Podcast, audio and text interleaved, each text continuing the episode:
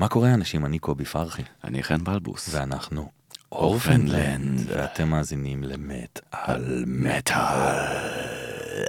תשמעו, זה היה ממש טוב, אני חושב שאתם. צריכים להגיש את התוכנית הזאת. טוב, יפה. בית הכנסת למטאליסטים מתכנס מחדש. והיום, אוהבים תימניה?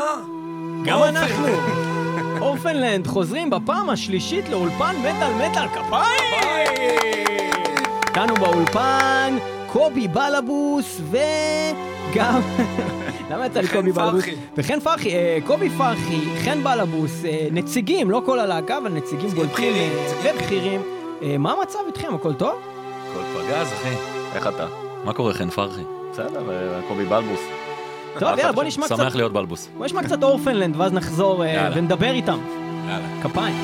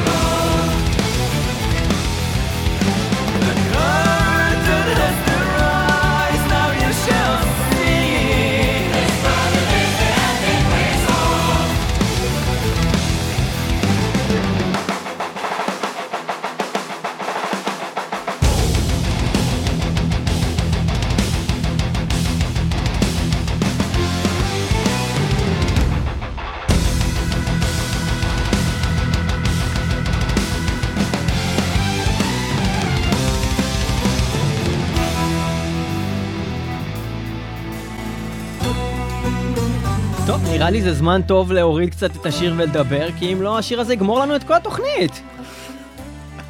אחי, אבל מתחיל זה. הקטע שהם נכנסים לתוך המערה. רק התחלנו, אתה אומר. סבבה, אה, אורפנלנד, מה המצב? אז אה, יש לנו ככה אתכם, אה, זכינו, זכינו להביא אתכם שוב לאולפן. אה, עבר עליכם, אני מניח, די הרבה בזמן האחרון ובכלל. מאז הפעם האחרונה שהייתם זה היה ב-All is One. כן. באיזה ג'יסט.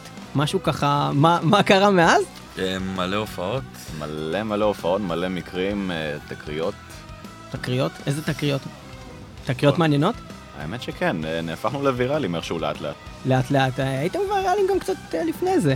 אני זוכר עוד כתבות ב- ב- בשישבת בערוץ 2, כאילו Orphaned Land, תמיד היה את ה connection למשהו שהוא מעבר לרק מוזיקת מטאל. כן, זה תמיד כאילו... זה היה שם. בקהילה שהיא לא משלנו, זה תמיד... האלה שיש להם את המעריצים בטורקיה. כן, בטורקיה. אה, אה, בטורקיה יש לכם הכי הרבה מעריצים מבחינת מספר? אה, טורקיה, פריז, יש לנו סולד אאוטים.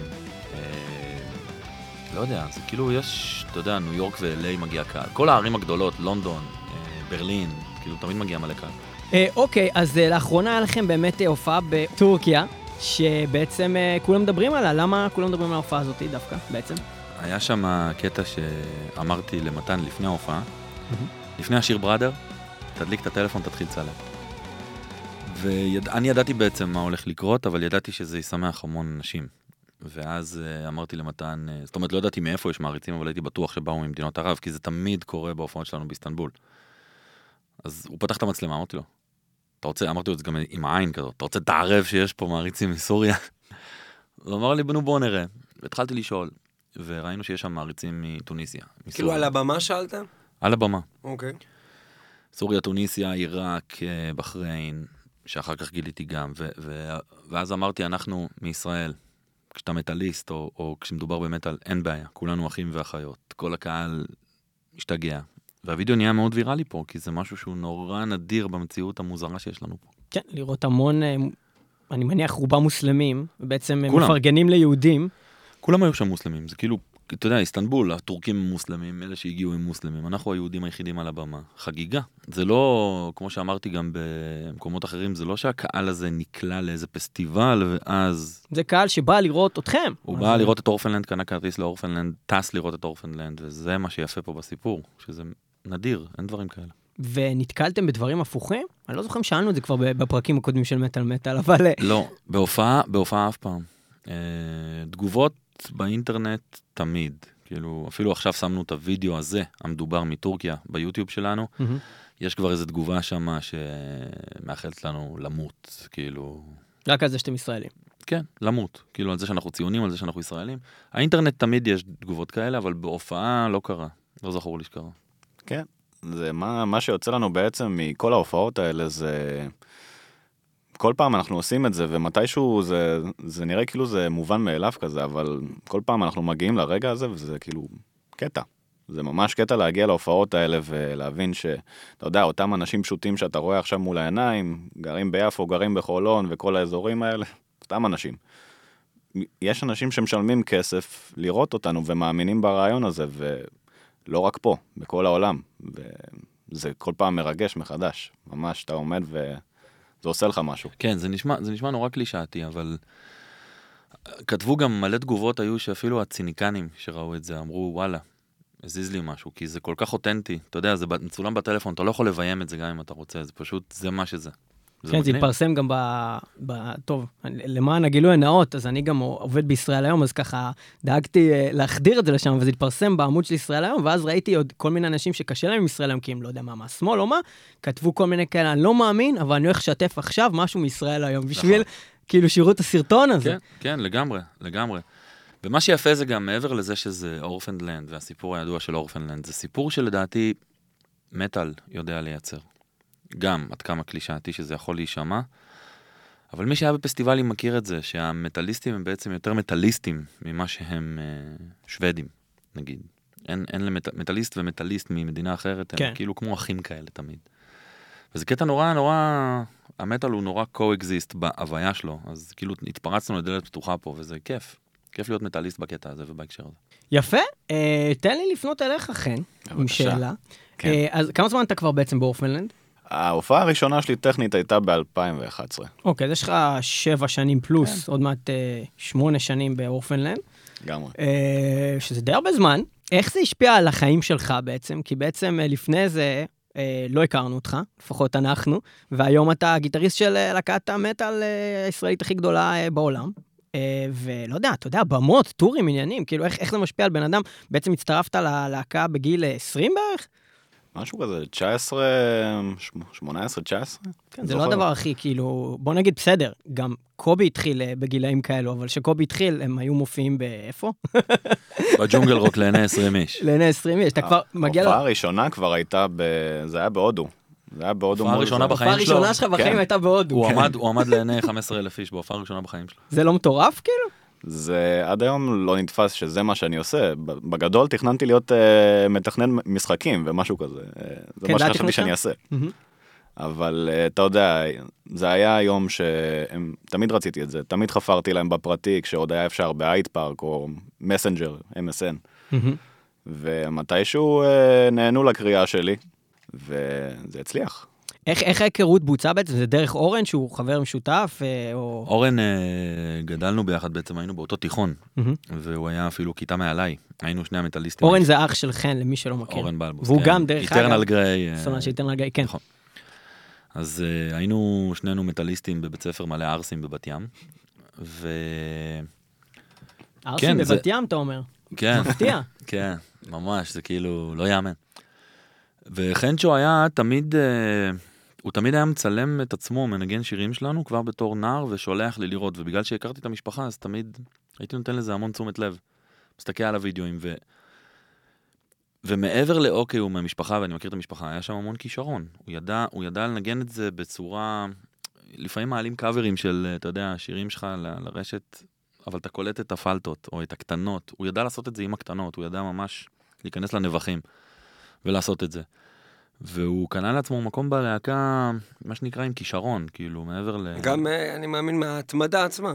ההתמדה זה מראה על איזה עצמה. רצינות... אה, כן, וגם הכישרון, זאת אומרת. הוא לדעתי הבין את הרוח של הלהקה, אז נגיד היום שהלהקה אפילו אה, מתקיימת בלי שני הגיטריסטים שהיו לה פעם, אה, מתי ויוסי, שהם היו עמודי תווך מאוד חזקים בלהקה, אז היום חן ועידן ממש ממלאים את, ה, את המשבצת הזאת טוב, הוצאנו עכשיו אלבום חדש, שאין שם מתי ויוסי, יש שם רק אה, חן ועידן על הגיטרות, והקהל שלנו קיבל את האלבום הזה, חלק מהם אפילו, זאת אומרת, תמיד, יהיו, תמיד יהיה, לכל אלבום יהיה את הקהל שלו. אבל אה, הקהל שלנו קודם כל אמר שזה Orphaned Land, לכל דבר. וחלק אפילו אומרים שזה האלבום הכי טוב שלנו, אז הם נכנסו לרוח של הלהקה, ואני חושב שמי שמבין את הרוח של הלהקה יכול לכתוב אלבום של Orphaned Land איתנו. וזה זה מה שתמיד אמרתי על Orphaned Land, אין לנו mastermind, אין לנו מישהו אחד שהוא הסטיבן ווילסון, המיקאל מ Opeth, הרומאו מ Symphony X. אין, אין ל Orphaned Land דבר כזה, Orphaned Land זה רעיון, אם אתה מנגן גיטרה ואני אכניס בך את הרוח, אתה יכול לכתוב איתנו אלבום ל Orphaned Land. וזה, האלבום האחרון הוא הוכחה לזה. אבל איך אתה מכניס במישהו את הרוח? או, או, טוב ששאלת. טוב ששאלת כי אני לא אגלה. אה, נשמע לי משהו לא חוקי. אוקיי, אז אם נדבר על האלבום האחרון, אה, בוא, קודם כל אני אשאל שאלה שברור שאתה לא תענה לי, שאתם לא תענו לי בצורה אה, הוגנת, אבל האם זה האלבום הכי טוב שלכם? אני חושב שלהקה, אה, ברוב המקרים חושבת שהאלבום האחרון שלה, האקטואלי, הוא הכי טוב. כי זה מה, זה מה שמייצג אותך כרגע. יש לסהרה את הרוח שלו, את התקופה שלו, את הקסם שלו, אבל אני חושב שבאלבום האחרון שלנו אנחנו בשיא. בסדר, אבל כשראית את מטאליקה אומרים את זה על St. Anger באותה תקופה, אתה לא האמנת להם. לא, השאלה לא היא... יכול להיות, תקשיב, אבל כן האמנתי להם, כי לא, זה שאני אוהב את Ride the Lightning, והוא היה אלבום המטאל השני שקניתי, זה לא אומר שהם נכנסו לאולפן ואמרו, אנחנו נוציא משהו שהוא לא טוב, זה לא הגיוני. ברור שלא. זה לא הגיוני, אני חושב שבאותו רגע זה היה מבחינתם החידוש הכי גדול שהם יכלו להביא לעולם המטאל, והם חשבו שהם מביאים את הבשורה הבאה לעולם המטאל. יכול להיות שברטרוספקטיבה, הם יכולים להגיד לך שהם שונאים אותו. באותו רגע שהם עשו אותו והקליטו אותו, זה חייב להיות, אני יודע, כבן אדם שנכנס לאולפן וחי באולפן וגר באולפן ו- ו- ונושם את השירים, באותו רגע זה חייב להיות לדעתך הדבר הכי בן זונה שהבאת. לא, יכול- לא יכולה להיות לך הרגשה אחרת, אחרת אתה לא תשקיע את השעות האלה באולפן. אני מצטער שאני קשה לי לבטא את השם המלא של האלבום, Unsung- Prophets. And then, אוקיי, אוקיי. And then, מה- אוקיי. מה היה הכיוון החשיבתי מבחינת הבדל מהדברים הקודמים? מה רציתם לתת לקהל שהוא שונה מבחינתכם? רצינו uh, קודם כל לחזור ולעשות אלבומי קונספט, כי All is One לא היה אלבום קונספט. נכון. ורצינו אפילו להפגיש בין מבול ואור ווריור. חן היה מדבר איתי כל הזמן והיה אומר לי, מבחינת חן מבול הוא האלבום שלנו, נכון? תקן אותי אם אני טועה. אני הגעתי לאורפנלנד ממבול, זה האלבום שאהבתי כמעריץ, עד היום. זה גם הרקע שלי במחשב אגב. אני רציתי להפגיש בין אה, מבול ואור ווריור שהיו קונספטואליים לבין All is One. שהיה מופק בצורה מסוימת עם מפיק אה, ינס בוגרן שהפיק אותנו כבר בכמה אלבומים. עם קהל כזה של זמ... אה, להקה כזה עם ברקע, מקהלה מקהלה, וכינורות אה, וזה- כינורות שהקלטנו מהמם. בטורקיה. והקונספט, בדרך כלל, קונספטים שעבדו לאורפנלנד זה סיפור שאנחנו לוקחים שהוא מאוד עתיק ומשליכים אותו על אקטואליה עכשווית. למשל המבול, הוא לא בדיוק המבול התנ"כי, עשינו מבול, The Story of the Three Sons of Seven. קישרנו את זה עם סיפור שהיה לחברים שלנו, והפכנו את זה למעין מבול עכשווי, שקשור לסיפור המיתולוגי. אותו דבר עשינו פה, לקחנו את משל המערה של אפלטון, מכירים? שלום, שלום, לא אז, מכיר. אה, לא, לא, אני מכיר, אני. מכיר, אני מכיר טוב, אני מכיר טוב. ניב הוא כאילו משחק אותה בור, אבל הוא לא בור. כן. במשל המערה זה נכתב לפני 2,500 שנים על ידי אה, אפלטון. והוא כתב את זה כי היוונים הרגו את סוקרטס. הוא לא הבין משהו בהתנהגות האנושית, איך יכול להיות שהאנושות ויתרה והרגה את סוקרטס? איך זה יכול להיות שאתם הורגים בן אדם כזה שהוא אור, חוכמה, ידע, אה, מה פתאום להרוג את סוקרטס? ומה שיפה במשל המערה זה שמבחינתי האישית, אני חושב שהוא נבואי לחלוטין, אני חושב שהוא מנבא את ההתנהגות האנושית מאז ועד היום. ואז לקחנו את כל המוטיב הזה שנקרא Unsung Prophets and Dead Messiahs. לקחנו כל מיני אנשים שאני מחשיב אותם כנביאים אלמונים. הרי מה זה הנביא? הנביא לא אומר לך אם מחר הולך לרדת גשם.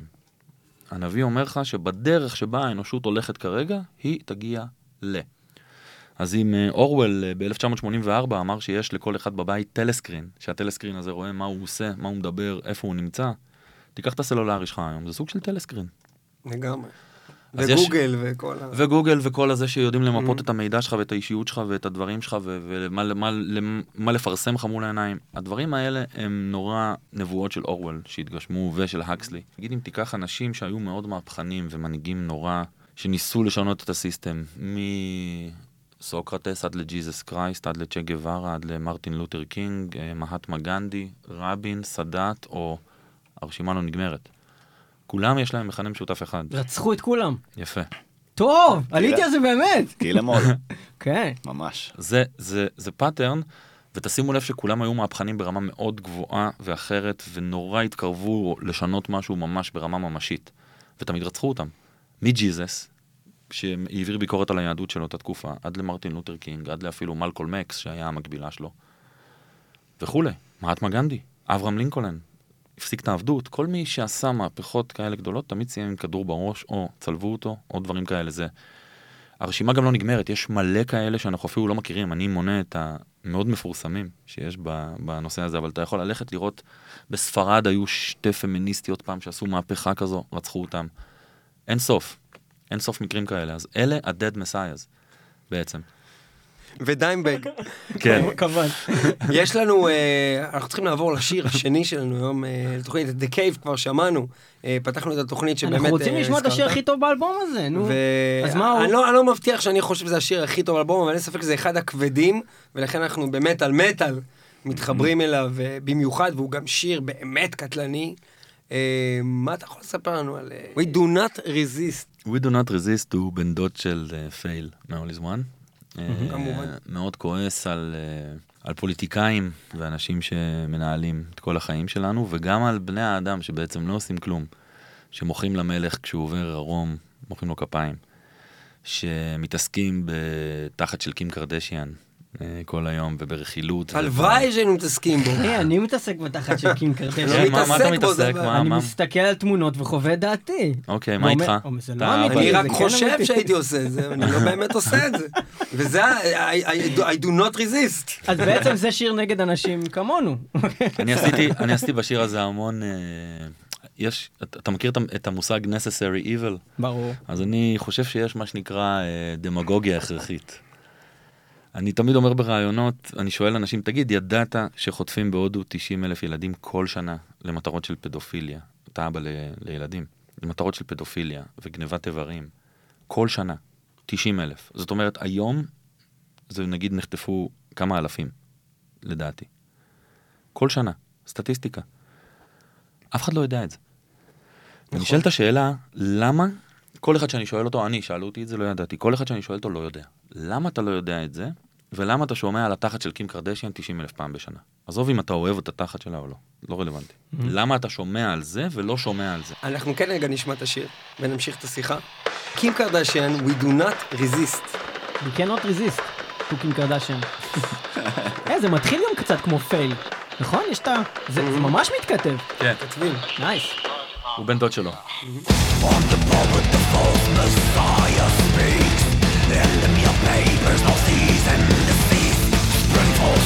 and selling such lies Was the night the light rolls and truth?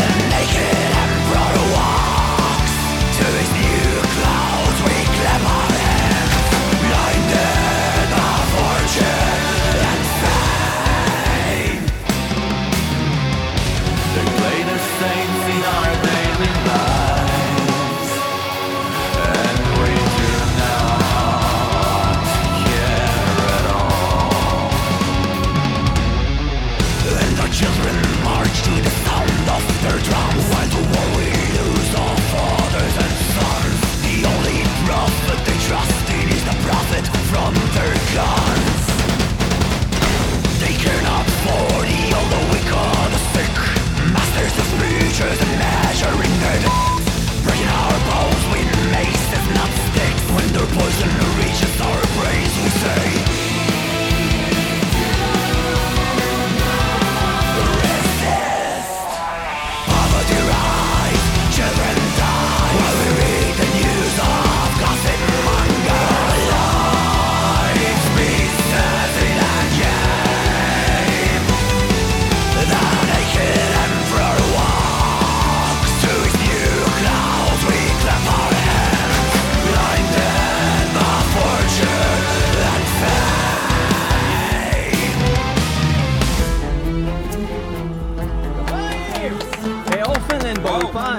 אה, מאזינים לשירים מתוך אה, Unsung Prophets and Dead Messiahs אה, של אורפנלנד, האלבום האחרון שלהם שיצא, שעדיין לא יצאנו לנגן מעולם שיר ממנו בתוכנית, איך זה קרה אלוקים? אז אנחנו עכשיו אה, מנגנים אה, כמה שיותר ומדברים עם חברי אורפנלנד כאן באולפן. אה, קובי וחן. אה, אז אוקיי, דיברנו קצת על, אה, באמת על האלבום הזה, וגם על הקבלה שלו בקהל, ומה אנחנו חושבים עליו, אבל לא דיברנו על אנשים שהתארחו, שזה מאוד מעניין, כי יש פה בעצם שני אירוחים אה, בינלאומיים מטורפים. אז בואו תספרו, שלושה? סליחה, אני, אני זוכר שניים. איזה שלושה? מי השלישי? מי אתה זוכר? אני זוכר את At the Gates, ואני זוכר את Blind Guardian. אז יפה, יש לנו את סולו של סטיב האקט. אה, אוקיי, סולו, סולו לא זיהיתי את הקול שלו, כי זה סולו, אבל לא... זה היה ולא- הוא אבל. נכון, כן, שתדע. אוקיי. אוקיי, ובאיזה שיר זה?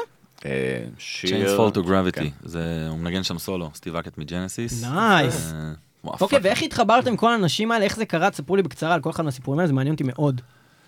אה, לתומאס לינדברג פשוט שלחתי אימייל, אני מכיר אותו מימי עבר שהקלטנו קאבר להרכב שהיה פעם לישי שוורץ בשם Moonskin, מהמם. שעשה קאבר ל-Raped by the Light of Christ, עם דורי ו- וכל מיני, ואז הם אירחו שם את אה, תומאס ואותי. שלחתי לו מייל, אמרתי לו, אחי, חלום שלי, שהזמר של דגץ ישיר לי באלבום. הוא אמר לי, טוב, שלח. כן, הוא שלחתי. הוא זורם הוא בן בדרך כלל. זורם, הוא גם זרם לכם. עם אה, תומר רזנפרץ, והוא פשוט עשה איתו אלבום עשה איתו שלם. הרכב, כן. זה מטורף. בדיוק, אז אה, הוא זורם עם ישראלים, הוא כאילו, כן. אנחנו באים לו טוב כנראה. אז אה, ככה זה קרה. אבל זה מה, זה כאילו מהדברים האלה ששלחת לו כזה באימייל והוא שלח לך, כאילו לא, או שהוא הגיע... לא, כאילו, לא, איך- לא, שלחתי לו באימייל, שלחתי לו guide, איך אני רוצה פחות או יותר מיקומים, טקסט, אה, איך שיעשה את זה, כמובן עם ה magic והקול שלו והדברים שהוא מביא. יש לו קול של מחלות, זה יש לו נפלא. קול, אין קול כזה, באמת. הוא- מחלות, מדהים. זה להקת death metal האהובה עליי, בכל הזמנים. שמעת את האחרונים שלהם? כן, כן? כן. מה אתה חושב על אבל האחרון? אני... יצא להם 2018 גם. בגלל שאני זקן קצת, אני יודע, בגלל שאני זקן, אז אני כאילו עד Slaughter of the Soul, אני אוהב, כאילו זה לא פייר להגיד את זה, אבל קיבלתי את מנת ה At the Gates שאני צריך לחיים האלה. תשמע, בעיקרון לשמוע את האלבום האחרון שיצא להם זה לשמוע את Slaughter of the Soul עוד פעם. הם פשוט עושים את אותו פשוט עושים את דבר. אותו אלבום מוקלט כל הרבה הזמן. יותר טוב. כן. זה זה מה שאני שומע. At the Gates פשוט מוקלטים יותר טוב. אבל אותם שירים עוד פעם. אבל הם מת- מתעלים לדעתכם? הם מה? מת- מתעלים בטח לא, אבל הם לא, מצליחים לא איכשהו יכולים לשחזר. לשחזר את תהילת העבר. זה גם בשבילי כאילו, אני שומע עכשיו more אתה of מבין, the אבל, same. אבל כאילו. מצד שני, כשאני שומע נגיד מעריצים שלנו אומרים, אה, לא יהיה כמו סהרה. אז אני כאילו מתעצבן. אבל כשאני מדבר על At the Gates, אני נהיה המעריצים האלה. זה נור, נשמע נורא אכזרי, ועוד שמישהו מלהקה אומר את זה, אבל יש להקות שהיו צריכות להתפרק. כי איירון מיידן, עוד ב Brave New World, ניחא, כאילו, שדיקינסון חזר. אז- Brave New World זה האלבום הכי בן זונה כן, בעולם. כן, כן, אז אני אומר, עוד שם, זה עוד איכשהו, הוא חזר, הייתה איזה רוח שפתאום החייתה את עצמה מחדש. Nomad זה אחד השירים כל האלבום. הזה, כל וואו. האלבום הזה. אבל אז עוד פעם, אתה קולט שזה ממשיך קדימה. יואו, איך אני מסכים איתך, אני לא מאמין, כל כך הרבה, אף אחד לא מסכים איתי על הדבר. הזה. אני אמרתי איירון מדן אחרי. חבר'ה, סוגרים את התוכנית, יוצאים לבירה. עזבו נכון, הכל. נכון, עכשיו זה, עכשיו זה נוראי, אבל למה. להמשיך את זה? זה נוראי שאני אומר את זה, כי אני בלהקה. זאת אומרת, אני לא הייתי רוצה שיגידו את זה עליי. אבל... אבל זה לגמרי הגיוני. אבל יש אותנטיות, אם אתה קולט שזה כבר לא שם, אז אולי זה כבר לא שם. זה בדיוק מה שבאתי להגיד לפני שהתחלת לדבר, זה שהאלבום שהרגע הוצאתם, אני שומע את אה, אור וורייר שם, אבל אני אומר, כמו שאמרתי לך מקודם, עוד שירים של אור וורייר זה דבר חיובי, הם לא אותם שירים. זה לא לשמוע אותם, זה שירים מהסגנון הזה, שמשלימים לי עוד איזה משהו, כאילו אני רוצה עוד מזה. אבל כשאד דה גייט שמעתי את האלבום החדש, אמרתי, עוד פעם? עוד פעם אותה מוזיקה, אותו דבר, על אותו מבנה, רק שיליתם את המילים אותו דבר? תשחקו על הרעיון שהמצאתם, מעולה, אתם המצאתם זה שלכם, אבל תוסיפו משהו חדש, משהו, טריק, משהו, תימניה, משהו בפנים.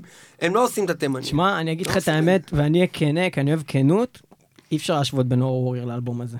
אור וורייר זה פשוט פי מאה יותר טוב. אור אין לי מה להגיד לך, אין לי מה להגיד? לך. אני אגיד לך משהו אור שהוא... וורייר זה פשוט האלבום הכי טוב שעשיתם בחיים. שלכם, אני מצטער. להגיד, אבל קודם זה- אל. תצטער, אל תצטער, אבל אני רוצה להגיד לך משהו אחד. מה שכיף באורפנלנד זה שיש לכל אלבום את הפריקים שלו.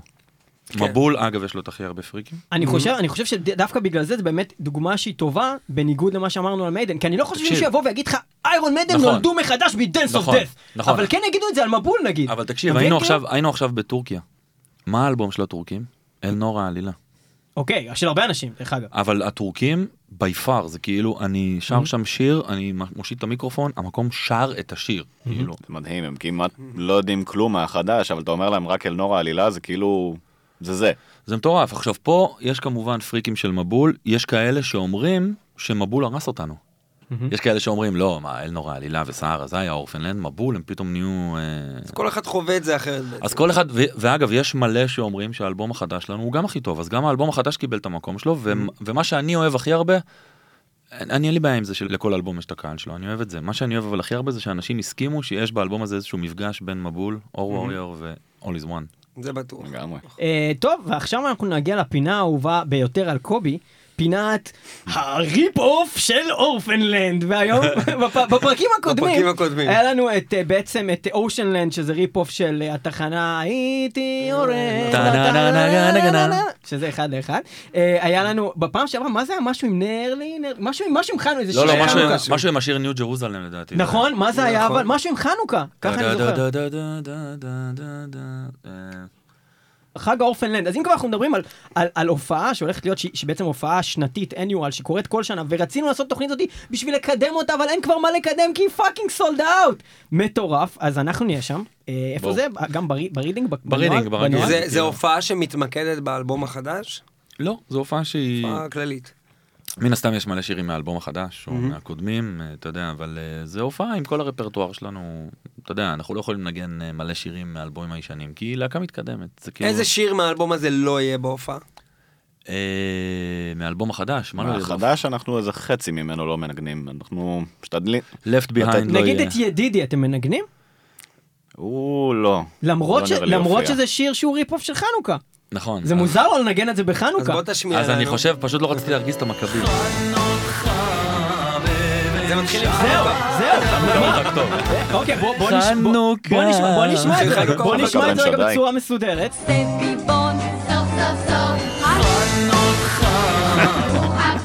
חנוכה. הוא זה. סוף סוף סוף יפה, אז אתם מושפעים מחגי ישראל. אני אני רוצה להבין, אבל למי יש את החיישן לגלות את זה? בטח לך, ליאור. בדרך כלל זה אני הבן. אדם ה... יש לו- יש לו אני יושב חייש. ואני אומר, אתה יודע, אני אני שם פליי ואני שומע חנוכה!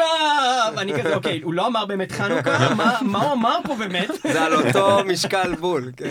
אוקיי, מה זה ידידי? מה זה השיר הזה? מה- הוא עוד איזה אמ, פיוט כלשהו? משהו? הוא פיוט אה, מרוקאי, ממרוקו זאת אומרת, אה, די עתיק, ו- ויש לו לחן מאוד... אה, ש- שאני אבין איך זה עובד רק, אוקיי? כאילו, קובי פרחי קם בבוקר, בטח שותה קפה שחור, עם ביפו, פיוט, קפה שחור עם פיוט. יוצא, אומר ביפו אני מרגיש בבית, אומר שלום, אומר שלום, נכנס לספרייה, אומר איפה הסקשן של הפיוטים. הולך, ואיך אתה מגיע לפיוטים? זה מה שמעניין אותי, איך אתה מכיר את הפיוטים האלה בכלל? מאיפה? הם... אה, תראה, בזמנו היה לנו את אה, אבא של יוסי, שהוא היה כן, כן. הספרייה. זאת אומרת, הוא שר בזמנו, אני אני אספר לך איך גילינו את נורה אל נורה. הקלטנו את אל נורה עלילה, והוא עשה sound check להקליט קטע של פיוט באל נורא עלילה. מהמם. תוך כדי שהוא עשה sound check והטכנאי ביקש ממנו לשיר משהו, מה הוא שר לו? את נורא אל נורא. זה, סתם ככה. הוא שר לו את נורא אל נורא. עכשיו אני, יש לי חיישן כמוך, רק לפיוטים. רק לפיוטים. אז, אז, אז ישר קלטתי את זה, וככה עשינו את נורא אל נורא. אני אספר לך עוד דבר. הופענו בפעם הראשונה בשוני, בר מצווה ל Orphaned Land. עשינו בשוני. שלומית עושה sound check, ומלווה אותה נגן percussions. מה היא שרה ב sound check? את ספרי. זה עוד לא היה, עוד לא היה אור בקיצור. אתה לוקח את כל החומר מסאונד סאונד צ'קים. צ'קים, אני בסאונד צ'קים הם עושים סאונד אתה, צ'ק ואני יושב שם. עם העיניים הזוממות שלי ואני יושב שם והמוח באלבום היהודי שלי. הבא הולך להיות 1, 2, 3, 1, 2, 3. הולך להיות עכשיו הלהיט הזה. אתם, אם אתם עושים sound check ואתם רואים אותי מתחבא לכם שם, יש משהו. אתה כאילו מביא אנשים נגיד שאתה, כאילו אתה אומר נעשה אודישן נגיד לאיזה גיטריסט, ואז אתה אומר בוא נביא אותם, וניקח להם את החומר. כי הם עושים סאונד צ'ק, הרי הם יעשו מתישהו סאונד צ'ק. אבל אחי, זה, זה קטע, אתה יודע, זה קטע יהודי, כאילו אנחנו לוקחים משהו ואנחנו עושים אותו יותר טוב, זה כמו חומוס. ככה גם איך קוראים אה, אה, אה, חומוס אנחנו לא עושים יותר טוב. יש על זה ויכוח. מה אתה חושב? אתה חושב שאנחנו הצלחנו ליצור חומוס יותר טוב? אתה טענת חומוס יהודי שהוא יותר טוב מחומוס של ערבים? קודם כל, אתה יוצר כן. הפרדה קודם כל, בין כן. העמים. לא, לא, כן. קרע בעמים. תראה, תראה, כשאני הולך לאבו חסן ביפו ואני יפואי, המסבכה שלו היא אי אפשר אה, לנצח. מספר אחד. המסבכה. המסבכה. לא החומוס, אבל המסבכה. בסדר, חומוס פול, אני יכול לתת לך של יהודים יותר טובים מאבו חסן. לא, לא אמרתי אותו טוב מאבו חסן, אמרתי אם אתה תיקח את החומוס הכי טוב, הוא יהיה של יהודים? תשמע, חליל ברמלה גורם לי לבכות. לפני שאתה ממשיך, כאילו, אני אגיד לך יותר מזה, תחשוב על זה שפה זה יהיה הנקודה הראשונה שאורפנד יוצרים פילוג. כי אם יש דבר אחד, שיהודי, גם הכי. גזען, הכי ימני, הכי קיצוני מסכים, זה שחומוס של ערבים זה יותר טעים. ושגנבנו עכשיו, עכשיו, עכשיו. תגיד. וואלה אחי, על טעם וריח אין מה להתווכח. טוב, יפה. אוקיי, סבבה, אז אה, מגניב, תשמע, אה, האלבום נשמע מבחינת סאונד בכלל מיליון דולר, אין מה, אין מה לדבר. אה, ואני חייב לציין משהו לטובה, אציין אותך לטובה, אני חושב שהשירה שלך, כאילו, היא, היא by far בטופ של איפה שאי פעם היית, זה גם חושב. אני- מדהים לשמוע את ה... את ה באמת, את, איך בן אדם משתפר עם, ה, עם השנים, אז ריספקט, קובי, ריספקט גדול. תודה, תודה רבה. ותן לי לשאול אותך שאלה, למרות שבאמת, כמו שאמרתי, כל הזמן משתפרים, אבל כשאתה שם את עצמך ליד סולן כמו אין סיקור, שאתה מרגיש איכשהו שיש פה איזה קטע שאולי זה קצת אה, קשה לשים את עצמך לידו, אתה מבין מה אני אומר? אני בא ביראה לזמרים שאני מאוד אוהב. אתה יודע, הופעתי עם אה, ראסל אלן בטור שהוא עשה למען ילדים אוטיסטים. וואו, ראסל אלן זה אה, fucking סולן גאון. וראסל זה כאילו, אולי, אולי, אולי אחרי רוני ג'יימס דיו הוא ב top three, כאילו, אתה יודע. דיו. מבחינתי זה כן, לגמרי. אה, top. כל אחד מביא משהו נורא מסוים. זאת אומרת, אה, אני לא מצפה מחן שיהיה יוסי סאסי, חן הוא חן. ויש לחן את החן שלו, מה שנקרא. ואני חושב שכשהנזי שמע דברים שאני שר, אז הוא, הוא גם כן התפעל, כי, כי הוא לא יודע לעשות אה, סלסולים נגיד. מהמם. הוא נורא ישר, הוא נורא ליניארי. הוא לא יודע לעשות... ברור. הוא יודע לעשות... הוא גאון במה שהוא עושה, אבל יש לו את מה שהוא מביא, יש לי את מה שאני מביא. אני חושב שהוא זמר מטורף, אדיר. ואיך התחברת איתו? עשינו איתם tour ב-2015 עם Blind Guardian. עם גרדיאן, מהמם. ושם נהיינו חברים מאוד טובים. מה שמדהים זה שאתה פוגש אה, אנשים בסדר גודל כזה ואתה רואה שהם נורא פשוטים. הם נורא, הם, אין להם מניירות של רוקסטרים. שום, לא יודע, אתה יודע, לפעמים אתה פוגש ואתה מתבאס. אז זה לא המקרה. אומרים never meet your idol. לא המקרה איתם, איתם זה פשוט אנשים כל כך פשוטים. וטובים, וממלאים ארנות. מבין הטורים הכי כיפים שהיו לי. ממש. זה ממש כיף איתם. אני ביקשתי ממנו אה, לשיר איתנו, הוא פשוט אמר, ברור. זאת אומרת, הוא בכלל לא, אתה יודע, הוא רץ יותר מהר מתומאס לינדברג לעשות את זה, והוא לא צריך את זה באמת, זה כאילו, אני, אני חושב שנגיד, מישהו במעמדו, מה הוא צריך את הקשקוש הזה? כאילו, זה לא תורם לו משהו לחיים, זה לא מקדם לו משהו בחיים. הוא גם אחרי זה כתב פוסט, כמה זה זכות בשבילו לעשות את זה, ומה, כמה חשוב מה שאנחנו עושים. אני עדיין מרגיש, אה, אחרי 27 שנים בלהקה, אני עדיין מרגיש רעב. רעב לעשות עוד, רעב להגיד עוד, רעב לשיר עוד. אני כבר חושב שבאלבום הבא אני רוצה לשיר יותר טוב ממה ששרתי פה. יש לי את הרעב הזה להצטיין עוד יותר. ואני מאמין שברגע שאני אאבד את זה, אני מאוד מקווה שאני אדע אה, לקלוט את המפתחות. לך תצטיין, והנסי קורש של האימא שלך. ובוא נעשה Like Orpheus, ונשמע את השיר אה, הזה, Like Orpheus, ביחד עם אה, סולן להקת Blind Guardian, Orphaned Land. זה הולך כך. כמה זמן שמעתי את הבדיחה עם הנסי קורש של האימא שלך, וואי וואי. Close my eyes, I cannot see. Sudden blindness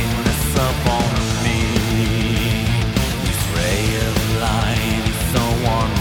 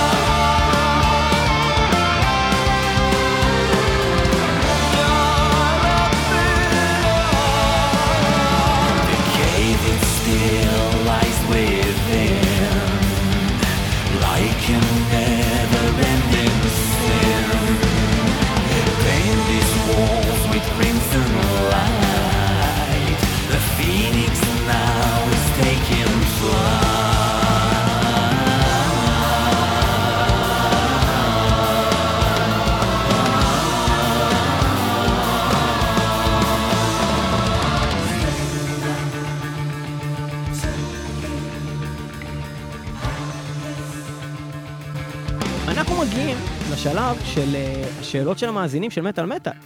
ואנחנו שאלנו גם בקבוצה שלנו וגם בעמוד שלנו, בעצם נתנו לאנשים לשאול אה, שאלות שהם היו רוצים לשאול אתכם, ואנחנו הגדרנו את זה שאלות מעניינות, מצחיקות, חצופות, מפגרות, שהייתם רוצים לשאול את אורפלנד, וכך הולך להיות בדיוק. אז אנחנו ננסה שאתם תענו כמה שיותר מהר על שאלות, רגע, לפני כל. שאלה, אתה יכול להגיד אם היא מפגרת או מצחיקה?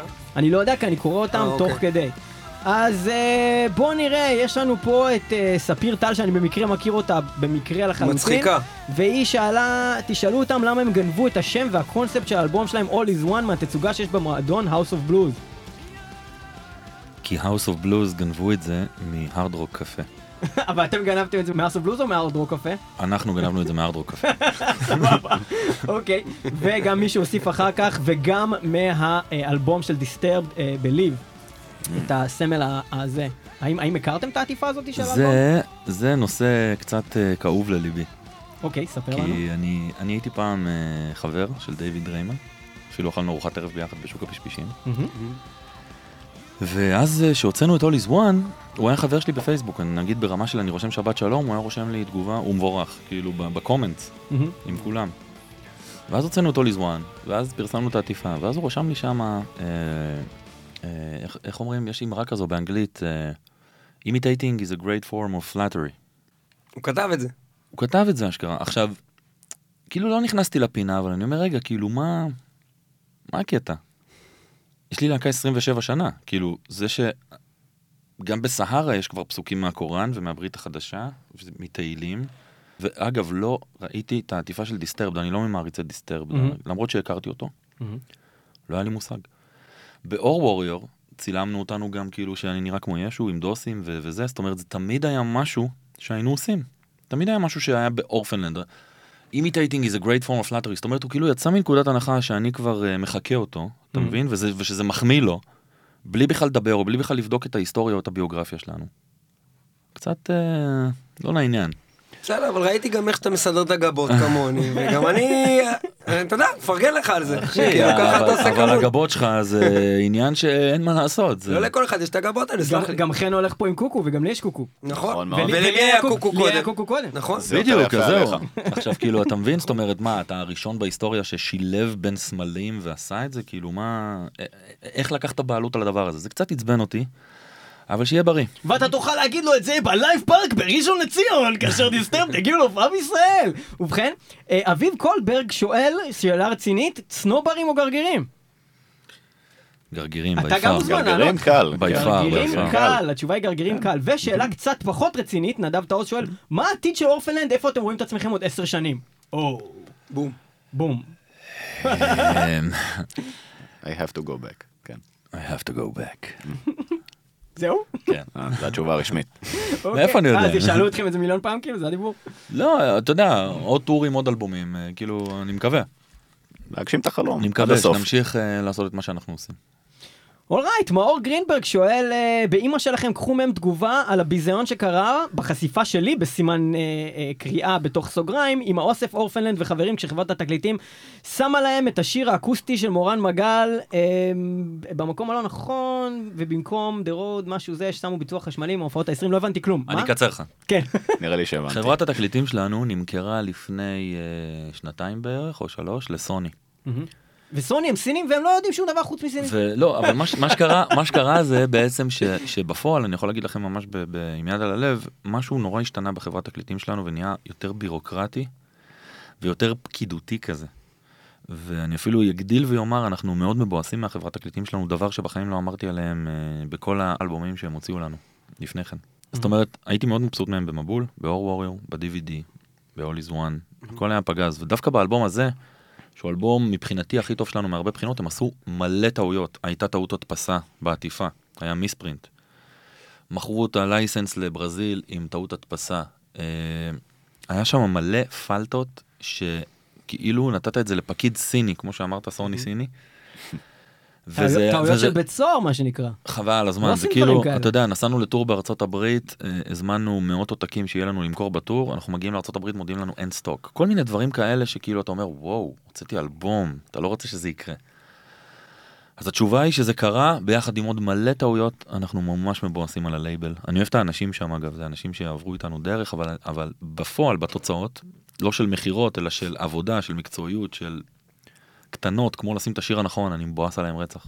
יהודה דינקביץ' שואל, גם אתם חושבים שמגיע פיצוי למי שהיה בהופעה שלכם בפסטיבל העוד? לפחות הייתם כותבים ללא growling או משהו. אבל, אבל, אבל אני סיימתי את ההופעה, אני סיימתי את ההופעה עם fucking. growl. היה לפחות זאת אחד. אומרת בהופעה יש אז את... עשית בסוף, ביי. רגע, לא הקראתי את ה comments. אור שלם, שזה נראה לי מושתל שלכם, כי קוראים לו אור שלם, אז זה נראה לי הגיוני, אולי הוא קשור זו Aור שלם. זו מישהי. סליחה, אז אור שלם, היא אומרת, אני חייבת רק להגיד להגנתם, שבסוף קובי לא התאפק ותקע איזה גראול קטן, כי הוא פשוט היה חייב, אבל אפילו זה היה הרבה יותר חמוד מאשר כסחני, ומבחינתי החיסרון בהופעה הזאת, היא שהיא נגמרה מהר מדי. ואז, יהודה עונה, בהחלט ממש נהניתי מהפרצופים של האנשים בגראול בסוף. יפה. אז, אז, אז, אז, אז על מה הוא רוצה פיצוי? נתתי לו פרצופים של אנשים שלא שמעו גראול בגראול. סגרנו פינה. לי- הוא חייב לי פיצוי. הלאה, נקסט. אבל מה הוא ציפה מפסטיבל האוד? כאילו, מי שכתב את זה? שיהיה אוד, ויהיה. כזה, ויהיה כזה כאילו... אני לא יודע לעשות גרול, תעשה גרול. כזה, כל הזמן. כאילו יודע זה לעשות פסטיבל? זה אני פסטיבל של אוד. יש לי, יש לי, נראה לך אתה מתאר כל הדרושים. לא אני יכול- מטאליסטים מנסים אני בחדר יכול עכשיו דברים. לדפוק איזה גראול, אבל אז אני לא יכול לדבר על זה שבועיים, אז אני לא יודע לעשות את זה נכון, כאילו. אתה מבין? לא כמוך. אני לא, אין לי 27 שנה מאחורי, אני יודע לדבר. אה, איזה מחמאות. אתה מבין? איך קובעים סטליסט של הופעה? שואלת אור שלם. מצב רוח ומה שמתחשק וכיף, קלות ביצוע, מסתכלים על סטטיסטיקות של שירים ומנסים למצוא מה מזמן לא שרתם?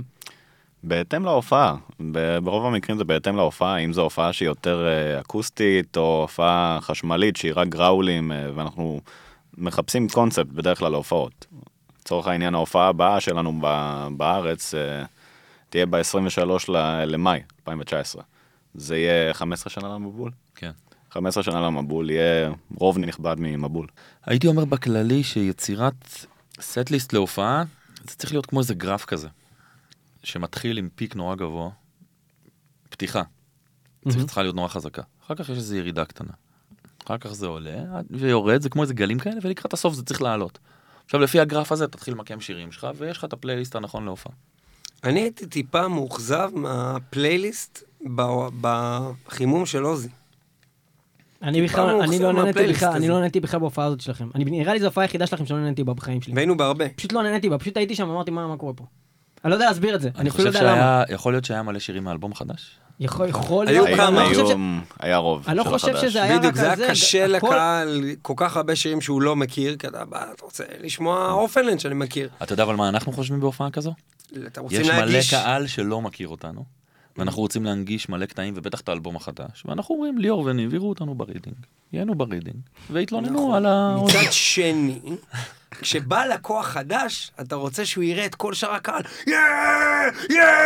והוא לא רק רוצה קהל שמסתכל ואומר, מה זה? הקהל- הקהל היה באוויר שם, על מה? אתה מדבר? לא יודע איזה שורה אתה היית. הכל יחסית. יחסית להופעות שלכם, הרבה אנשים אכלו תפוח ועישנו. אבל זה לא, לא לא, אבל זה לא. הקהל שלנו כן. הטבעי, אתה יודע, זאת אומרת, ברור שגם אנשים באו לראות את עוזי ולא מעניין אותם החימום, אבל לדעתי חצי מהמקום שיתף פעולה, וזה מלא, אם אתה שואל אותי. תמיד ישתפו איתכם פעולה, כי אתם טובים, אף אחד לא מתווכח על העובדה הזאת, אני רק אומר שלטעמי, אלבום שעדיין לא נתפס, והוא עדיין בשלב החיתולים שלו, חייבים להנגיש אותו לקהל ולתת משהו גם לאלה שעוד הקדימו ושמעו. אבל יש עוד מלא שאלות, אתה לא נותן לי להמשיך. יפתח לוי שואל מתי תפסיק לשים אצבע באוזן כשאתה שר. כשאני אשמע משהו על הבמה. אוקיי. בנוגע לסטארט-אפ של קובי, שיספר קצת על הרגשה פתאום לעשות עבודה של אנשים נורמליים, אה, בסוגריים, הייתה לו עבודה נורמלית אחרת בשנים האחרונות, סימן שאלה? ואיך זאת שאלה מעניינת. שאר החברים בלהקה מקבלים את זה? האם אין חשש שזה יעכב את ההתפתחות של הלהקה? איזה שאלה מצוינת. מי שאל את ישמור, הזאת? איך מי אפשר- ששאל את איך זה, אפשר לזכור את כל השאלות האלה? זה נדובו ברקאי. ידעתי שמשהו דפוק אצלו, כי השאלה ממש טובה. אוקיי. זה אנחנו- 15,000 אנחנו- שאלות. אנחנו נעבור אחד-אחד. אז קודם כל, לנהל את אורפנלנד זו עבודה נורמלית לכל דבר. אני לא רק הזמר של אורפנלנד, אני מנהל אותה. אה, יש לנו חנות, אנחנו... אורפנלנד זה עבודה. זה עבודה. זה עבודה שאין... פול טיים ג'וב. זה לא, זה לא בקטע של רק לכתוב שירים או לצאת לדרכים, זה גם לפעמים לשלוח דואר, לשלם חשבונות, ללכת לרואה חשבון, אה, אתה יודע, אה, לנהל מדיה חברתית, שאנחנו, הכל אנחנו עושים DIY, אנחנו עושים את הדברים האלה. אורי מעצב לנו את הדברים, חן אה, עוזר עם המדיה החברתית, אני מנהל את כל העניין, זאת אומרת, זה, זה כאילו, זה עבודה, זה דיילי ג'וב. כשאין הופעה, או כשאין, או כשיש הופעה, או כשמפרסמים הופעה, או כשסוגרים מועדון, או כל הדברים האלה, זה הרבה DIY, do it yourself. tell us about it. טוב, אז, למרות אה, שאופנלנד. קצת יותר גדולה ממטאל מטאל, אבל עדיין, אוקיי. נכון, אבל יש. אבל יש, תחשבו, תחשבו שכל יום שאין הופעה של אורפנלנד, אורפנלנד עדיין עובדת על דברים, זאת אומרת, יש, יש דברים שקורים, כאילו, יש דואר לשלוח, הזמינו חולצה מהאתר, אה, לא יודע מה, סגרו הופעה בשוויץ, כאילו, תמיד עבודה. אוקיי, ואיך החברים על- אה, בלהקה מקבלים את זה? האם אין חשש שזה יעכב את התפתחות הלהקה? זה שיש פרויקטים אחרים ודברים אחרים. אני מודאג מאוד. כן? אה, אם כבר פתחנו את זה. כן. סתם לא. אה, מפרגנים. אני חושב שהחברי להקה כבר יודעים שכשמדובר בי, אורפנלנד היא פרויקט חיי הבלתי מעורער. אה, שום דבר לא יכול להעיב על זה, וכבר הציעו לי גם הצעות. אה, אין, אי אפשר. אי אפשר להעיב על זה. זה לא יקרה. וגם, שוב, לא מדובר בעבודה, המיזם הזה הוא לא דיילי פרויקט, אני לא קם בבוקר והולך. זה, זה סטארט-אפ. אני חלק מהקבוצה. זה מפגש שהוא שבועי בדרך כלל, אני בא לשם, עושים סיור מוחות על כל מיני דברים. זה מה שזה מוציא ממני, זה לא מוציא ממני יותר מדי. זאת אומרת, לא דחיתי הופעה בגלל דבר כזה. אני רוצה רוצה לשאול עוד שאלה. של אריק טופז. שלומית תהיה בחנוכה? לא, שלומית גרה בניו ג'רזי. היא בונה סוכה? אם לא, מתי כן. תביאו את שלומית שוב? אה, תלוי בשלומית, כי בגלל שהיא מאוד רחוקה, אז כשהופענו בניו יורק, בספטמבר שנה שעברה, היא הופיעה איתנו בניו יורק, אבל זה בגלל שהיא פשוט שם, אז אה, היא לא מופיעה איתנו, אנחנו נורא היינו שמחים, אבל היא שם. והוא מגזים ושואל, איך היחסים עם יוסי בימינו? אה, קובי? היום התכתבתי עם יוסי בוואטסאפ. אה, עשית לו סמיילי? אני מת על יוסי, כן. גם הייתי, הוא הוציא את האלבום סולו שלו האחרון, והזמין חברים להשמעה של האלבום, אני הייתי בין החברים. יחסים טובים, זאת אומרת, אה, בכל זאת נפרדו דרכינו, אבל אנחנו מתכתבים, מדברים, אם הוא במקרה נכנס לפה עכשיו לאולפן, חיבוקים, נשיקות. אז תראה, קובי, אם אתה כבר מעלה את זה... לא, האמת שלא הרגענו את זה, אבל עכשיו אני מתבאס על זה, פעם הבאה, פעם הבאה. במקרה. במקרה הכין אותי מראש. תאר לך עכשיו הוא נכנס, אני פתאום פורץ בבכי ובורח. אז הם שואלים, יש תכנון להקפיץ אותו להתארח אה, בשיר או שניים באיזה הופעה מתישהו? אם לא, אז למה? כרגע לא, פשוט לא משהו שבוער לנו או לא, לשני הצדדים לדעתי, כאילו לא... אתה יודע, בכל זאת היינו, היינו, כן היינו ביחד 20 ומשהו שנה, זאת אומרת, יש מלא אלבומים של אורפלנד עם יוסי, אין מחסור בזה, מה שנקרא. כרגע נורא כיף לנו להמשיך ליצור חומר חדש, עידן וחן על הגיטרות, זה נורא כיף לנו, אבל באמת זה בא ממקום נורא נטול, אה, לא יודע, כל משהו אחר שאפשר להעלות על הדעת. זה בא פשוט ממקום של, לא יודע, לא, לא, לא יוצא כרגע, יצא בטח אולי מתישהו בעתיד. אוקיי, ולפני שאנחנו נסיים אה, אה, לשאול את השאלות האלה, אנחנו נשמע עוד שיר ברשותך. אה, ברשותכם. אה, ברשותכם. ברשותכם. אני אנחנו רוצים לשמוע את השיר. שיתוף פעולה ביחד עם הסולן של אד דה גייטס, כי דיברנו עליו קודם, והוא ממש כבד והוא ממש אדיר. Only the dead have seen the end of war. אבל איך הם ראו את ה-end of war? כשהם מתו. אז נגמרה המלחמה כי הם מתו. לא נגמרה באמת המלחמה. רק הם ראו, אתה מבין את המשחק? הבנתי, עכשיו אחי, הבנתי. וזה לא משפט שלי, מי אמר? Only the good die מי אמר? מצאתי אותו באינטרנט. כן? ב- בשיטוטים והקריאה שלי אה, נתקלתי בו. בפיוטים דוט קום? לא. ב- במיעוטים דוט קום. Only the dead have seen the end of war uh, featuring תומאס לינדברג. תומאס לינברג מ-at the gates וזה אדיר, זה נפלא, בואו נשמע את השיר הזה עכשיו. Has told us that his truth will set us free. He is the blind Messiah who cannot find his way. All see the forest for the trees. Even the one who saw the light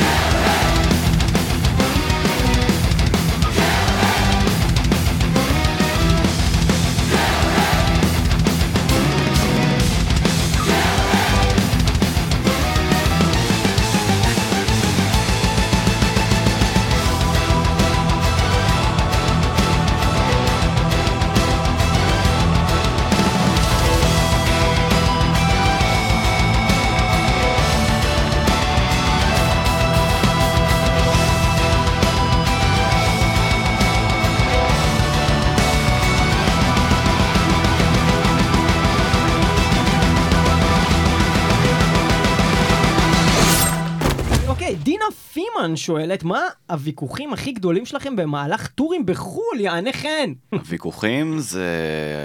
על ההמבורגר, אתה יודע. האמת שדווקא לא, על מי מפליץ באוטובוס. מישהו חייב להפליץ? מי כן יפליץ, או למה אתה מפליץ? לא, מי הפליץ. מי אה, הפליץ? מי הפליץ באוטובוס? זה אסור בתכלית האיסור, אני, והוא אני, יגיד לכם מנהל, למה. אה, אני מנהל משטר נורא אה, קשוח בנוגע לנודים. אני זמר, אני פועל דרך דרכי הנשימה. אני, אני לא רוצה להריח את האוויר שיוצא לאנשים מהתחת. ואני, ואני קצת קשוח עד כדי, אה, אתה יודע, מעצבן. כי גברים כנראה, אתה יודע, בא להם להפליץ, הם מאוד מבסוטים שזה קורה. זה מאוד מצחיק אותם לפעמים. מאוד מצחיק אותם לפעמים, וכל בן אדם מפליץ בזמנו הפרטי. אבל uh, באוטובוס שהוא סגור ויש משהו עם האירופאים אין להם חלונות. אין להם חלונות לאירופאים. הם יודעים לחמם. 20 איש למעלה באוטובוס אין שם אוויר אתה גם ככה בתא גזים שוכב בתוך קטקומבה. מה אתה משחרר את הנוד הזה עכשיו צא לך לשם אני כאילו מישהו ממש יכול להסתבך איתי ב- ב- בצורה נור כאילו רצינית באמת מתעצבן. רצינית ברמה של כאילו אני יכול לעשות מסדר ללכת כזה אתה יודע אחד מהשני מי הפליץ פה עכשיו ולהסתכל להם בעיניים ולנסות להוציא את הנוד מהבן אדם. אשר חזות שואל מתי שת"פ עם עומר אדם. האמת שאלה יפה. האמת שאלה יפה. אני הייתי עושה. האמת שאלה אני יפה. הייתי עושה שאתה שאלה יפה. נכון? תגיד עוד פעם. שאלה יפה. שלך. מבחינתי האישית בחיים לא. למה? אחר כך צריך להסביר. כי אנחנו לא עושים משהו שאנחנו לא מתחברים אליו כי הוא אה, נורא ישרת איזה אינטרס אה, שיווקי כזה או אחר, זה כמעט ולא יקרה. למה זה לא יכול להיות יפה? זה לא יכול להיות אומנותי? אני לא זה מתחבר לשום שיר של עומר אדם. אני באמת? מתחבר לשירים של אהובה אני עוזרי. לא מדבר על השיר עם ה... אני אוהב את אהובה עוזרי, היא שלו. כבר לא ניב- חיה. ניב עכשיו רוצה עוד פעם להוציא את הקטע הזה שהוא עושה כל כמה תוכניות שהוא מסביר שעומר אדם זה אמן ממש ממש מוכשר, אני שהוא באמת- נורא אוהב אני אותו. לא, חושב. מוכשר, ואני- אני באמת חושב ואני. לא מסכים איתו. אני אזמין אתכם, את שניכם, להאזין לאלבום הראשון של עומר אדם. שהוא לא, היה אחי. בן... לא, לא, לא. אני מזמין אותך, בזמנך החופשי, לא כרגע. לפני שהוא יתפרסם, אלבום שהוא כתב אותו, ותגיד לי עדיין אם אתה חושב את מה שאתה אומר. תקשיב שנייה, כי. לפי דעתי אתה טועה. ניב, אתה כן. אוהב- אתה אוהב מזרחית? באופן כללי כן. אני מת על, מת על אה, מזרחית ומת על מטאל ומת על אה, מוזיקה ערבית גם. אני, כן. שומע, אני שומע פיירוז, אני שומע אום כולתום, אני שומע מוזיקה טורקית, מאיברהים תתליסס עד לעומר פרוק עד לארקין קוראי. מזרחית, אני מת על אהובה עוזרי, אני מת על זוהר ארגוב, אני אוהב את אה, חיים משה, אני אוהב את אביבה אבידן, אני אוהב דברים במזרחית, אני כאילו, יש לי זיקה לזה, אני אוהב את זה, אנחנו אירחנו את יהודה קיסר, אני ישבתי ושרתי איתו זוהר ארגוב בהופעה של Orphaned Land, וזה פסגת, חלק מהפסגות של חיי.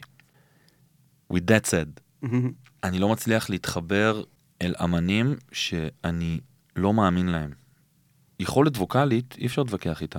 אייל גולן יש לו את היכולת הווקאלית, אחת מהטובות שהייתה לזמר הים תיכוני מימיו. לא מאמין לבן אדם. לא מאמין לו גם כשהוא שר. מישהו מהנדס את כל השיר הזה, הוא פשוט בא לאולפן ותוקע טייק, זאת אומרת, אני, אני לא אומר, גם אריק איינשטיין היה מבצע, ולא תמיד אה, כתב בעצמו, אבל ואולי גם זה עניין של טעם. הייתי מאוד שמח לעבוד עם אבנר גדסי, עם האחים בן מוש, עם אהובה עוזרי, אם הייתה בחיים. אה, עומר אדם לא, לא עושה לי את זה, זה עניין אישי, זאת אומרת, אם כל הלהקה עכשיו היו בקטע קשה, אתה יודע, אני הייתי משתכנע, אנחנו דמוקרטיה אחרי הכל. מה שהוא מנסה להגיד לך. זה שבסופו של דבר, עומר אדם, כשהוא נוסע באוטובוס, הוא מפליץ. זהו. עכשיו, אתה רוצה לטרף שלא? אה, איתי מרקי, או מרחי, או מרצ'י, שואל איזה קפה כל אחד שותה. אין לי העדפה, אני לא אוהב קפה. לא שותה קפה. קובי בטוח שהוא תשובה. שותה קפה שחור כמו שחור איזה יפואיסט. מבושל, אבל מבושל, לא בוץ. זאת אומרת. מים חמים מהקומקום על קפה זה מבחינתי חילול הקודש. חילול הקודש. לבשל על את. הקפה על הפלנג'ה או על הגז. ואם אין לך, אין לך פלנצ'ה, אין לך גז, אין לך איך לעשות את זה. איך אתה עושה? והקפה הוא לא קפה עילית או קפה של סופר, זה קפה שמאיר שהבאתי ממנו את הפיצוחים טוחן לי אותו. אוקיי, אבל אם. אתה צריך להתעורר ואין לך את ה... אין לך את אז היכולת. בטור, בטור אני. לוקח את הקפה השחור של מאיר ואני נאלץ לעשות בוץ, שזה קפה ברמה מאוד גרועה, אבל זה עדיין, זה- כלום זה הכי גרוע. אז ואם אין לך את הקפה של מאיר, ואתה נמצא במדינת עולם שלישי ויש לך הופעה ואתה עייף, אספרסו קצר, כאילו, ואני ממש עצבני ומקלל כל הדרך. עולם שלישי איזה אספרסו אחי. עולם שלישי, הוא יהיה להם קצר. קפה, עולם הוא שלישי יהיה אמר. קצר. רגע, רגע, אה, רגע, קצר. שנייה. קצר, לא. רגע, ב- במדינת עולם שלישי יהיה להם קפה בן זונה, תתפלא. לא, קפה אין להם בן זונה, אבל אין להם אספרסו ואין להם כנראה גז. יהיה, הם- יעשו מדורה, אחי, או על חול. אתה מכיר את זה שהיו עושים את הקפה השחור על חול לוהט? מה, כמו פויקה כזה? יש אסכולה כזו של חול, כן, כן. וואלכ. אוקיי, איזה מדינה, אה, יותם בראונשטיין שואל, אה, איזה מדינה הכי אהבתם להופיע בה, ואיזה מדינה הכי לא אהבתם להופיע בה? לא רע השאלה, יותם. לא רע. זה התשובה של הראיונות, כי נכונה. אין באמת העדפה. אל זה- תיתן לי את התשובה הזאת. אז בדיוק- אז אל תיתן לי אותה. יש לכם תשובה אני אמיתית? חושב שאיסטנבול, בגלל מה שקורה שמאוד מיוחד לאיסטנבול, שאנחנו עומדים ישראלים יהודים בקהל מול קהל שהוא כולו מוסלמים ומדינות ערב, זה יש משהו ש... לכם כאילו איזה איזה vibe שאין לכם בהופעות אחרות. אתה גם עומד על הבמה ואתה אומר, מתי זה קרה עוד פעם בעולם, לישראלי, או, ל... או לאויבים. זה להיות חלק מהיסטוריה בכלל, זה, בתכלס. זה משהו שהוא, אה, אי אפשר לתאר אותו במילים, וזה שאתה חלק מזה הוא מטורף. אז איסטנבול הייתי אומר, תל? אביב, אה, בגלל שאתה בבית, בגלל שכאילו חנוכה נגיד מסיימת לנו, מסכמת לנו תמיד את כל השנה של ההופעות שעשינו. השנה, השנה למשל היינו בכל אירופה, היינו בכל ארה"ב, היינו ביפן, היינו ברוסיה, היינו בפורטו ריקו, היינו בכל העולם, וחנוכה מסכמת לנו בבית עם המשפחה, תמיד כל המשפחה מגיעים, תמיד החברים הכי טובים מגיעים. אז ההופעה הזו היא תמיד, והיא חנוכה, היא הופעת הדגל שלנו כבר עשור. אז הייתי אומר אה, איסטנבול, תל אביב, ויש עוד, אתה יודע, זה... ו, ו, אבל זה מגיע למה שחן אמר, כי זה נורא תלוי גם לפעמים במלא דברים. טעם אישי, לצורך העניין, אני מאוד אוהב את לוס אנג'לס, הוא מאוד אוהב את אה, איסטנבול, אורי אוהב את אה, תימן, לא יודע. זה, יש לנו טעם אישי בקטע. אורי תימן, וואי, שלא ישמע את התוכנית, אחי, אורי אוהב את ניו יורק. ניו יורק, נכון. אז אה, כן. מה, מה אבל, אמרתם איזה מקום אתם הכי שונאים? הכי לא היה לכם כיף להופיע בו, בוא נגיד את זה. ככה, לא שונאים? כי שונאים אתם לא?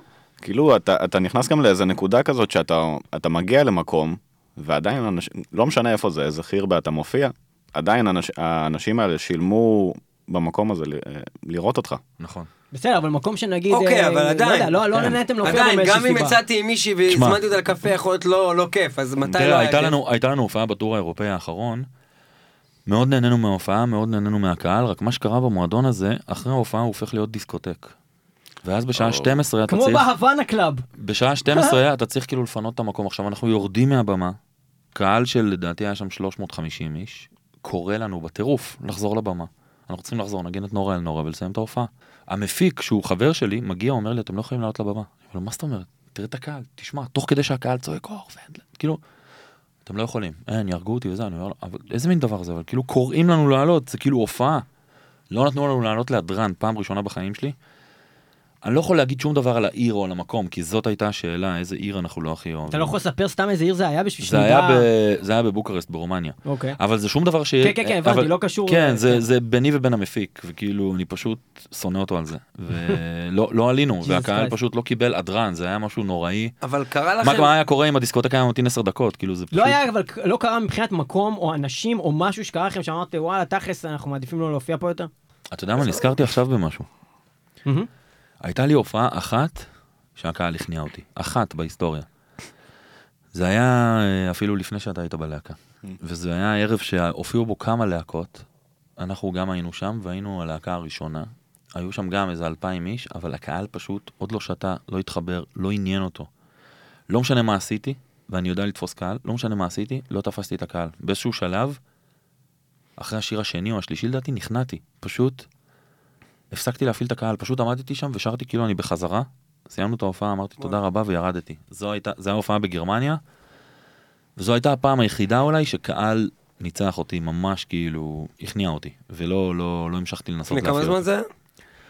זה היה בתקופת המבול, זאת אומרת, אה, סביב 2005, 6, 13, 14 שנה אחורה. עבר. טוב שאלות אחרונות עידו גוטמן שואל איך זה היה לחמם את עוזי פאקינג אוסבורן. כמעט לא עלינו להופעה, אתה זוכר? וואלה. האמת שכן, זה, זה היה או להופיע, או להצטלם עם עוזי. חיכינו לתמונה איתו. אה אני זוכר אני הייתי שם בסוף כן הצטלמתם איתו. נכון, אבל עמדנו בתור, פשוט עמדנו ועוברים אחד, אחד, אחד, ממתינים בתור, ואנחנו כאילו אומרים להם, תקשיבו, אתם צריכים ללכת לבמה, כאילו עכשיו הזמן ללכת לבמה, אנחנו אומרים, לא מעניין אותנו. מתי נצטלם איתו עוד פעם?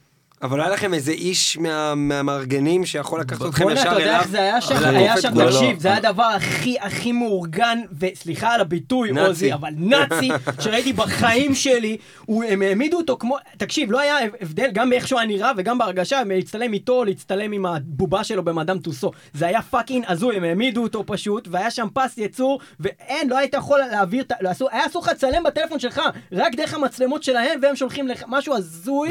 ומלחיץ כן. תחת יענו. מה, כן. לאימיילים כאילו? אבל, אתה- אבל, אנחנו, אבל אנחנו אמרנו כאילו אין מצב שאנחנו לא מצטלמים איתו גם במחיר של לחתוך שיר או שניים מהופעה. גדול. עד כדי כך. אבל בסוף, כשסיימנו את התמונה, רצנו לבמה כאילו אנחנו מאחרים לטיסה. אתה מכיר את הקטע הזה שאתה עם כל ה... ככה. רצנו לבמה. אז ממש לפני שסגרו את הדלתות, עלינו לבמה, דפקנו את ההופעה וגם יש את התמונה איתו. תודה רבה עוזי, ביי ביי. ועוזי זה עוזי, עוזי לעיני, בעיני רבים, גם בעיניי לדעתי, המציא את המטאל במובן מסוים. אז, אז שתזדיין ההופעה, התמונה. מאור גרינברג שואל למה קובי מקפיד לשמור כזאת עמימות גדולה לגבי הדעות הפוליטיות שלו. או, ו... הופה. הופה. זו שאלה יפה, אה, קובי, אנחנו פשוט שמחים ש- חזק, אנחנו פשוט. שמחים שאנחנו שאלנו את זה, וגם, ולמה כל כך מפריע לו כשמאשימים במרכאות את הלהקה בשמאלנות, בסוגריים, לא זכור לי שהם הואשמו בימניות יתר אי פעם. אני אתחיל מהסוף להתחלה. אוקיי. אנחנו מואשמים במלא ימניות כשאנחנו מתנגדים ל-BDS, כשאנחנו uh, מתווכחים עם uh, שטופי מוח רדיקליים בצד הערבי-מוסלמי של המפה. מהמם. אנחנו ציונים, ימנים, פר אקסלנס בעיניהם. זאת אומרת, זה תלוי מאוד בעיני המתבונן. אנחנו נגד ה-BDS, או אני מדבר נגד רוג'ר ווטרס, אני מקבל קיתונות ממעריצים ערבים, חבל לכם על הזמן. אנחנו ימנים בעיניהם. מהמם. אז קודם כל זה לא נכון להגיד את זה. מהמם. זה שאומרים יותר שאנחנו שמאל מימין, יש לזה תשובה אחת. הימין נמצא בשלטון. ברגע שאנחנו מבקרים את הימין, אתה לגמרי. מבקר אותו מהצד השמאלי. לגמרי. אם השמאל היה בשלטון, היית רואה אותנו מבקרים אותו מהצד הימני. כי אני חושב, באמת ובתמים, אמרתי את זה גם בראיונות, שהשמאל והימין הם שתי סוגים של חרא. חרא של סוס וחרא של חמור. בגדול. כמובן שיש אנשים טובים פה ושם. בגדול אני מתעב פוליטיקאים. אף פעם לא הצבעתי.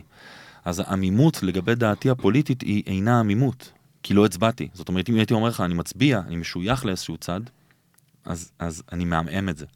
אין עמימות, אני לא מצביע. לא חושב שזה רעיון טוב, לא חושב שזה טיפ טוב, אבל אני לא חושב שאני פשוט, אני אישית עם עצמי, עם המצפון שלי, מוצא מישהו ראוי להצביע עבורו. כל אלה דבר שהיו... ראשון, מי שלא מצביע זה לא אומר שאין לו דעה פוליטית. זה אומר שהוא שמאלני, סתם. לא, אבל, כשאני. אבל כשאני מתנגד ל-BDS, אז תמיד אומרים, אוקיי, נשמע ימני. אז- אז- כשאני מבקר את ביבי, אוקיי, נשמע אז שמאלי. זה בעיה, דווקא מה שאתה, איך שאתה מציג את זה, אני חושב שזה בעיה בכלל ב- במדינה שלנו, שימין ושמאל, הם אה, באים בעסקת חבילה מבחינת אנשים. זאת אומרת, אם אני ימיני, זה אומר שאני בוחר ביבי, זה אומר שאני בעד התנ- התנחלויות, מיידית, זה אומר שאני בעד אלאור עזריה, כי אני ימיני, אז הולך עם כל העסקת חוויה. ואז כשאני אומר לבן אדם, תקשיבו, אני ימיני קיצוני, אני נגד בכלל שהערבים יחיו כאן במדינה, אבל מצד שני, יש לי חברים ערבים, אני נגד אלאור עזריה, אני נגד, אה, אם באמת אנחנו רוצים להגיע לפה משהו, נגד התנחלויות, אז אומרים לי, אז אתה שמאלני. זה בדיוק העניין. אתה שמאלני זה בדיוק-. העניין הוא, העניין הוא שאתה כל הזמן מנסה לשים משהו בתוך קופסה, והקופסה הזו היא תמיד מטומטמת, כי, כי, סליחה על הביטוי, כי, כי אתה לא יכול, הרי זה כל כך מורכב. יש אז דבר- אנשים מנסים יש- לא להיות מורכבים, לא, לא אבל העניין. תראה, יש, יש, שומעים ממני הרבה ביקורת. אם בן אדם היה פעם שואל אותי שאלה, מה אתה כן אוהב בביבי? הייתי גם יכול להגיד מלא דברים שאני כן אוהב נכון, בביבי. נכון. אני אוהב את היכולת הרטורית שלו, אני אוהב את העובדה שהוא אה, כן איש ראוי לפחות בעברו, או בדברים שהוא עשה, הוא כן עשה דברים ראויים. אבל אני רחוק מלחשוב שהאדם הזה הוא ראוי כיום, ויש לי הרבה ביקורת. צריך, צריך למתוח את היריעה יותר, מה אתה, שמאל או ימין, תן לי לשים את זה בתוך פחית, זה תמיד יהיה מטופש. ואין אין שום עמעום, אני פשוט לא מצליח למקם את עצמי. האנשים שאני מעריץ הם תמיד dead messiahs, אנשים שרצחו אותם. יש מישהו שחי היום, שבלי שהוא רץ, היית רוצה שהוא יהיה ראש הממשלה. שחי. שחי היום. בכלל, זה יכול להיות שחקן קולנוע. אני, לא אני, אגיד. לך, אני אגיד לך דבר כזה. אני חושב ש... אני נורא הייתי שמח אה, אם שר התרבות שלנו היה איש תרבות, נכון. או אשת תרבות. אה, כמו ששר הביטחון, נגיד, הייתי שמח אם הוא היה איש שיש לו איזושהי הבנה בביטחון, הוא לא חייב. להיות- הוא לא חייב להיות גנרל לשעבר, אבל איזשהו... שר החינוך, יש לו, והנה הוא נשמע כמו החינוך. דרישות הגיוניות. משהו לגיטימי שמאוד הייתי רוצה, והייתי רוצה להרגיש, מב- מבלי להיכנס לימין או שמאל, הייתי רוצה להרגיש שאני יכול לראות בבן אדם הזה לב מהמם. ונשמה. הייתי רוצה להסתכל עליו ולהרגיש ול- שאנחנו רואים אותנו. אני להסתכל ולהגיד, אני רואה את עצמי בבן אדם הזה. הוא מייצג אותי. כמו שמטאליסט אה, מייצג אותך, אה, כמו שבן אדם יכול להגיד שאולי אורפנלנד מייצגת אותו, או את ישראל. הייתי רוצה ש... להרגיש את זה על המנהיג שלנו, הבן אדם הזה מייצג אותי, אני גאה בו, אני שמח שהוא המנהיג שלי, אני רוצה באמת ובתמים לקום בבוקר ולהגיד את זה. אני לא מחפש לא להגיד את זה, זה, זה מאמלל אותי שאני לא יכול להגיד את זה. וזה מה שהייתי רוצה, לא אכפת לי אם הוא ימין או שמאל, או למעלה, או למטה. הייתי רוצה להרגיש שיש לו לב ונשמה. דיאלוג מאוד יפה היה ביניכם, דיברתם על נושאים מאוד, אה, מאוד חשובים, כמו... אבל מה עם המטאל? וזה, אבל יש פה שאלות יותר חשובות, כמו שאני פלג ששואלת אתכן, אם זה שאר חברי הלהקה או פיצה פרגו, במה היית בוחר? אז אה, סליחה. אני מבין, אחי. טוב, אה, אז אנחנו מסיימים בזה את השאלות. אנחנו צריכים לסיים בזה את התוכנית. ואנחנו רק. נגיד שני דברים שהם לא שאלה, שאנשים רצו שאנחנו נעביר לכם. אז אחד, אה, דרור קירשנר רצה להגיד, אה, רציתי להגיד להם שהם תותחים, מקרבי לבבות, ועושים לנו המון המון כבוד מסביב לעולם. אולי כיום יש ניצוצות קטנים של קירוב לבבות בינינו לבין שכנינו, וזה בזכותם לב. ו... אה, כפיים, כפיים. וגם אה, מאור גרינברג, אה, שאמר באופן אישי שהוא רצה להגיד לכם, בעזרת השידור, תודה לקובי על האנושיות והדאגה שהפגינו כלפי כל הסיפור עם אבא שלו, שהתעלף בהופעה של אורפנלנד. אז... אה, מה, מה, מה זה. מה, מה הסיפור? הוא אומר אתה יודע, ש... זה- והם הזמינו אותם להתארח בהופעה. הבאה בשוני. אוקיי. והיה שם המוני מדי או מחניק מדי, ואבא שלו הת- התעלף. זאת אומרת, ונורא, שמענו את זה רק אחרי ההופעה, אבל היינו בקשר, ובדקנו שהכל בסדר, הכל בסדר, הכל טוב. ואיזה חמוד הוא שהוא הביא את אבא שלו, מלך, ממש. אז הוא. כותב גם אבא שלי, שגם ככה אוהב אותם, מאוד התרגש מהיחס, אז תודה, אורפנלנד תמיד, קודם כל, עם בני אדם, ומוכיחים את זה שוב ושוב, בקשר ישיר עם המעריצים ישראל ומכל העולם, אז כפיים לכם שוב! תודה. תודה, תודה. זהו. ואנחנו יודעים לסיים בשיר אחרון סוגר לתוכנית הזאתי. מה אתם רוצים לסיים? אולי take my hand? take my Take hand, my כן. hand, אז חבר'ה, take my hand, take my hand, ו... בדיוק, בדיוק, אולי אתה תשאיר את זה! אולי אני אשאיר את זה. ותודה רבה לכם שהייתם במטאל מטאל שוב, ואתם תמיד מוזמנים, כי כיף לנו איתכם. ובהצלחה במופע בחנוכה, ובפסטיגלים, ובכלל, בכל מה שקורה איתכם, ורק תמשיכו להצליח, חבר'ה.